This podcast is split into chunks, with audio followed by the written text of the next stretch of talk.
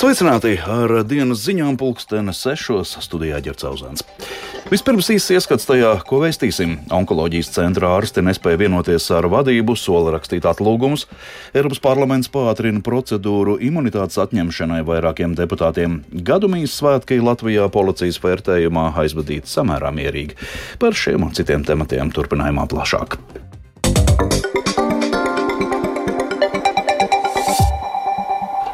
Spriedzē onkoloģijas centrā šodien nav mazinājusies. Pretstāve vairākos jautājumos, kas kulminēja pagājušajā nedēļā ar draudiem iesniegt kolektīvu atlūgumu, dienas pirmajā pusē vēl nebija mazinājusies. Lai arī veselības ministre Līga Mendelsone slimnīcas valdei iepriekš lūdza meklēt veidus, kā noturēt speciālistus, pagaidām risinājums nav rasts, tāpēc ārsti gatavo atklātu vēstuli, ko parakstīs Latvijas onkoloģijas centra ārsti. Plašāk Agnijas Lazdiņas ierakstā. Situācija Rīgas Austrumu Kliniskās Universitātes slimnīcā šodien ir visai ierasta. Cilvēki dodas no un uz slimnīcu un mierīgi stāv rindās, gaidot savu kārtu pie ārsta. Grūti pat nojaust, ka kabinetos ir spriedze un daļa ārstu gatavojas aiziet. Strīdos iesaistītais Latvijas onkoloģijas centra onkoķirurģijas klīnikas vadītājs Armāns Sīviņš pusdienlaikā pēc operācijas vēl nebija saņēmis jaunu informāciju no valdes un apgalvo, ka tā neuzklausa savus ārstus, nenovērtē to darbu un pašreiz ārstiem liek strādāt lielāku slodzi par mazāku atalgojumu. Šodien situācija tāda, ka gatavojam atklātu vēstuli. Nu, jau to parakstīs ne tikai onkoķirurģijas klīnikas ārsti, bet Latvijas onkoloģijas centra ārsti. Principā viss kolektīvs ir novests līdz tādai kondīcijai, ka ārsti bija gatavi paši sanākt kopā un paziņot to, ko mēs paziņojam piekdienā. Sīviņš arī norāda, ka pagaidām gan ārsti vēl cer, ka slimnīcas valde nāks pretī, un problēmu būs iespējams atrisināt konstruktīvā veidā, jo tās pamatā tomēr ir pacients un kaut kas ir jādara. Turpina Sīviņš. Tas nebija mans kaut kāds uzstādījums, es nevienu neko neesmu piespiedzis. Vienkārši visi redzēja, kā valde izturās pret ārstiem. Un ka valdei ir galvenais palaist šo milzu, vislielāko operāciju bloku Baltijā, realizēt savas ambīcijas, bet pamatā pa, tur cietīs pacienti. Savukārt slimnīcas valdei šodien visas dienas garumā noritēja vairākas sēdes, kurās tika runāts par radušos problēmu, tāpēc arī plašākus komentārus sabiedrībai solīja sniegt vēlāk.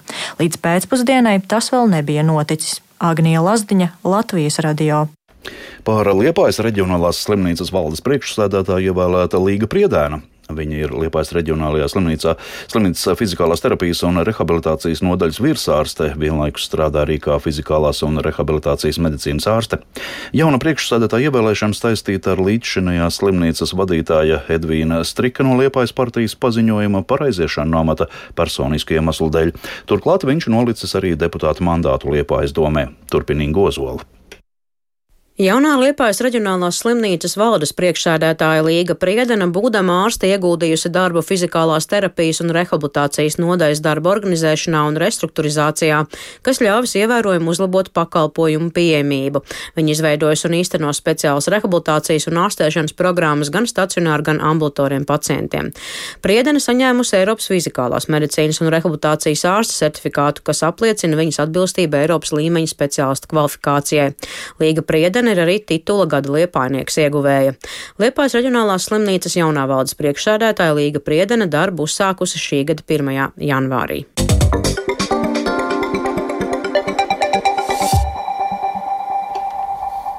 Ukrainas raķetes triecienā Krievijas okupētajā Donetskas piepilsētā Makijivkā varētu būt nogalināti vairāk simti mobilizēto. Par to šodien ziņo vairāk Ukrainas kanāla platformā Telegram. Ukrainas bruņoto spēku strateģiskās komunikācijas pārvalde informē, ka esot nogalināti 400 un ievainoti 300 cilvēku. Pēc citiem datiem bojā gājušo skaits ir vēl lielāks. Vairākas stundas pēc pirmo ziņu parādīšanās par Ukrainas raķešu triecienu Makijivkā ar paziņojumu klajā nāca arī Krievijas aizsardzības ministrija. Tās dati gan liecina, ka nogalināti 60. 63 cilvēki. Jebkurā gadījumā šis ir lielākais vienā reizē bojā gājušo Krievu karavīru skaits, kur atzinusi oficiālā Maskava. Par citām aktualitātēm Eiropas parlamenta prezidenta Roberta Metsola ir uzsākusi pātrināto procedūru, lai atceltu imunitāti diviem parlamentāriešiem, kuri tiek turēti aizdomās par korupcijas skandālu ar Katars iesaistīšanos. Lai arī deputātu vārdi netiek nosaukti, mediji ziņo, ka runa ir par Itālijas deputātu Andrejā Kocolino un Beļģijas pārstāvi Marku Tarabelu. Abi politiķi pārstāv sociālistu un demokrātu grupu un ir atstādināti no savām partijām līdz izmeklēšanas beigām. Vairāk stāstuģis Lībietis. Lai atņemtu parlamentāriešiem tiesisko imunitāti, 16. janvārī gaidāmajā plenārsēdē Roberta Metzola izklāstīs detalizētu prasību. Pēc tam parlamenta juridisko lietu komiteja rīkos balsojumu aiz slēgtām durvīm, kur pēc tam jāapstiprina vai jānoraida būs visam parlamentam. Metzola ir pieprasījis, lai šis process tiktu izbeigts līdz 13. februārim. Kukuļošanas lietā par katras interešu virzīšanu Eiropas parlamentā Beļģijas policija līdz šim ir aizturējuši četras personas, tostarp Eiropas parlamenta viceprezidenta Evu Kaili no Grieķijas. Eiropas parlamenta prezidenta ir uzsvērusi, ka šajā lietā neviens nepaliks nesodīts. Vienlaikus viņa solījusi īstenot reformas, lai iztīrītu parlamentu, stiprinātu iespējamo ziņotāju aizsardzību, aizliegtu neoficiālās draudzības grupas ar ārvalstu valdībām, kā arī pastiprinātu uzraudzītu parlamentāriešu finanses. Zviedrijas policija šodien arestējusi vismaz piecus cilvēkus saistībā ar pagājušajā naktī notikušajiem sprādzieniem pie daudz dzīvokļu namiem Stokholmas piepilsētās Grimstā un Bagarmosenē. Sprādzienos neviens cilvēks necieta, bet tā kā Grimstā nodarīti būtiski bojājumi. Sprādzieni notika ar stundas intervālu, tāpēc policija pieļauj, ka tie ir saistīti. Pēdējās nedēļās Stokholmas apkaimē notikuši vairāk sprādzienu un apšaudas. Jaungada naktī apšaudē ātrās ēdināšanas iestādē nogalināja jaunu vīrieti. Vardarbīgo noziegumu pastiprināšanās visticamāk ir saistīta ar noziedzīgo bandu savstarpējo izreikināšanos. Šis gads globālajai ekonomikai būs ļoti grūts, par to brīdinājusi Starptautiskā valūtas fonda vadītāja Kristalina Georgieva. Pasaules lielāko ekonomiku izaugsme strauji sabremzēsies, daudzas valstis nonāks recesijā un miljoniem cilvēku būs spiesti ciešāk savilkt jostas. Turpina Uldis Česbers. Covid-19 pandēmijas dēļ smagi cietusī globālā ekonomika 2022. gadā nespēja atlapt, jo Krievijas uzsāktais pilna apmēra karš Ukrainā izraisīja strauju energoresursu cenu un inflācijas pieaugumu pasaulē. Prognozes liecina, ka 2023. gads pasaules ekonomikai būs vēl izaicinošāks. Par to brīdinājusi arī Starptautiskā valūtas fonda izpildu direktore Kristalina Georgieva. Economy, Lielākajai daļai pasaules ekonomikas šis būs smags gads, vēl smagāks nekā aizvadītais. Kāpēc? Tāpēc, ka trīs lielāko ekonomiku - Amerikas Savienoto Valstu, Eiropas Savienības un Ķīnas - izaugsmas temps samazinās vienlaicīgi. ASV ekonomika ir visizturīgākā, tā var izvairīties no recesijas. Eiropas Savienība ļoti smagi ir skāris karš Ukrainā, puse Eiropas Savienības šogad piedzīvos recesiju. Arī Ķīnai šis gads būs grūts, bet tas nozīmēs negatīvas tendences visā pasaulē. Ja mēs skatāmies uz attīstības valstu ekonomikām, tad situācija ir vēl drūmāka. Kāpēc? Tāpēc, ka bez visa pārējā tās ietekmē augstas procentu likmes un ASV dolāra vērtības pieaugums. Tām valstīm, kurām ir augsts parādu līmenis, tas ir postoši. Startautiskais valūtas fonds jau oktobrī brīdināja, ka 2023. gadā vairāk nekā trešā daļa globālās ekonomikas piedzīvos lejupslīdi, un ka pastāv 25% varbūtība, ka pasaules iekšzemes koprodukta izaugsme būs mazāka par 2%, ko organizācija definē kā globālu recesiju. Georgieva norādīja, ka valstīs, kuras šajā gadā nepiedzīvos recesiju, miljoniem cilvēku jutīsies tā, it kā recesija būtu. Tas būs saistīts gan ar joprojām augstajām energoresursu cenām un inflāciju, gan ar pieaugošajām procentu likmēm un Covid-19 izplatību Ķīnā, kas atsauksies uz pasaules ekonomiku. Runājot par kara pārņemtās Ukrainas ekonomiku, Georgieva bija pozitīvi noskaņota.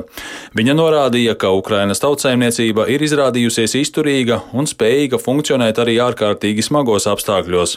Tāpēc valstī nedraud tūlītēja maksāt nespēja. Protams, ka Ukrainas ekonomika arī turpmāk būs atkarīga no starptautiskās finanšu palīdzības. Uldis Česbergs Vīberis, Latvijas radio.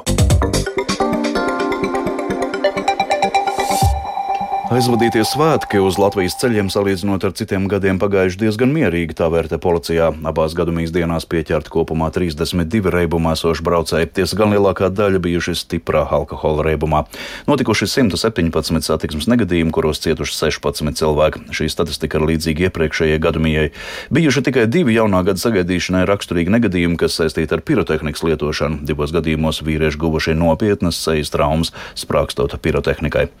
Bet Rīgas pašvaldības Pašvaldības policija sākusi administratīvos procesus par pirotehnikas izmantošanu gadumijā pulksten 23. pie brīvības pieminekļa. Pašvaldības policijas pārstāvs Toms Sadauskis Latvijas radio sacīja, ka jauniešu grupa lietojas alkoholu ap 23. šāvus petārdus, pēc tam nofilmētais ielikts sociālajos tīklos. Turpina Sadauskis. Un brīdī, kad policisti pie viņiem piegāja un uzsāka sarunu, tad viens no jauniešiem paņēma arī šo te uguņošanas ietaisi un palaida arī dažas raķetes. Ņemot vērā gan šo te pulksteņu laiku, gan arī to, ka tas ir izdarīts brīvības pieminekļa aizsardzības zonā, ne tikai par alkoholu lietošanu publiskā vietā tika uzsākts pārkāpuma process, bet arī pār tādu darbību veikšanu, kas ir vērstas uz konfrontāciju pie brīvības pieminekļa līdzekļa. Un vēlāk jau šie paši personāži sociālos tīklos publicēja jau video kopā ar Krieviju slavinošu mūziku, nu, un tad, attiecīgi, jau šajā video atkal mēs saskatījām jau, ka tur varētu būt šī administratīvā pārkāpuma, militārās agresijas un kara nozieguma slavinošu simbolu izmantošana publiskā vietā, proti šajā gadījumā internetā, un par to uzsākts ir vēl viens administratīvā pārkāpuma process. Par pašu uguņošanu, ja darbībām, kas vērstas uz konfrontāciju, sots var sasniegt 1000 eh, eiro fiziskai personai, savukārt par šo te video publicēšanu jau attiecīgajā kontekstā sots var sasniegt 350 eiro.